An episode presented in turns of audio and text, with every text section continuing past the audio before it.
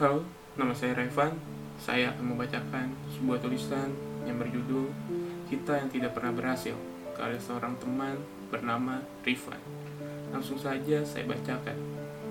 Kita yang tidak pernah berhasil. Sepeda motor ini buatan tahun 2006. Kondisinya tak, tak buruk dan tak juga bagus. Kadang-kadang suka merengek kecil ketika menghadapi tanjakan yang cukup curam. Jangan tanya siapa namanya. Ia bukan sepeda motor yang lazim digunakan anak-anak seusianya. Tiba-tiba motor ini berhenti terparkir aman di bawah pohon bambu pasar.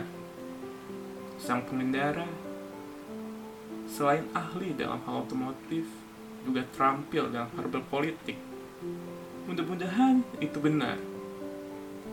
Tetapi jika memang itu benar, mengapa tak ada satupun yang menyapa?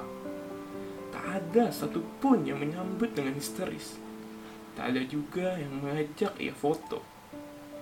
Alih-alih seperti politisi di luar daerah sana, kue sus harga 2000 rupiah dan lontong isi daging ayam seharga 2500 diborongnya habis. Keren politisi ini. Seakan-akan sedang memperagakan kampanye murah arah Ruslan Islam Image bukan tanpa sebab. Ia memborong itu semua.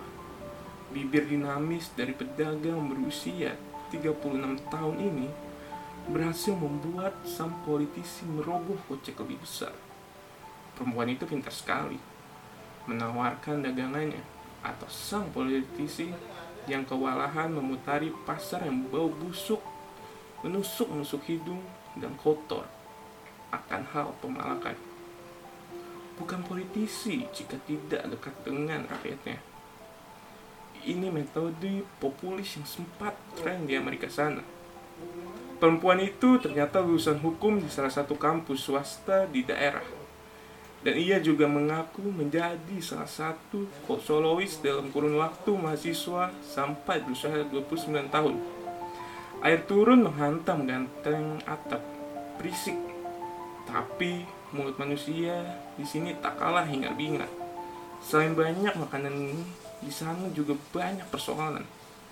Mulai dari masalah pekerjaan, percintaan, tuntunan tradisi, bahkan sampai kekhawatiran dari beberapa pihak.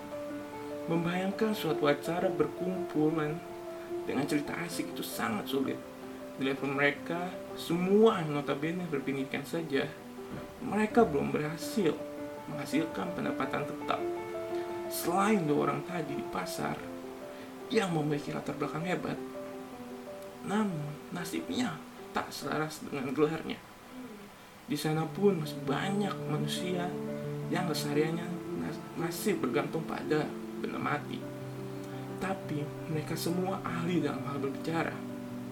Mereka dapat menceritakan kegiatan sehari-hari dengan atraktif walau tak menghasilkan apa-apa. Kita manusia tidak hanya bergantung pada gerak, gelar, namun bergantung juga pada kehidupan sosial kita. Bagaimana kita bisa menyatu dengan masyarakat itu. Sekian saya bacakan tulisan dari seorang teman. Sampai jumpa di lain waktu.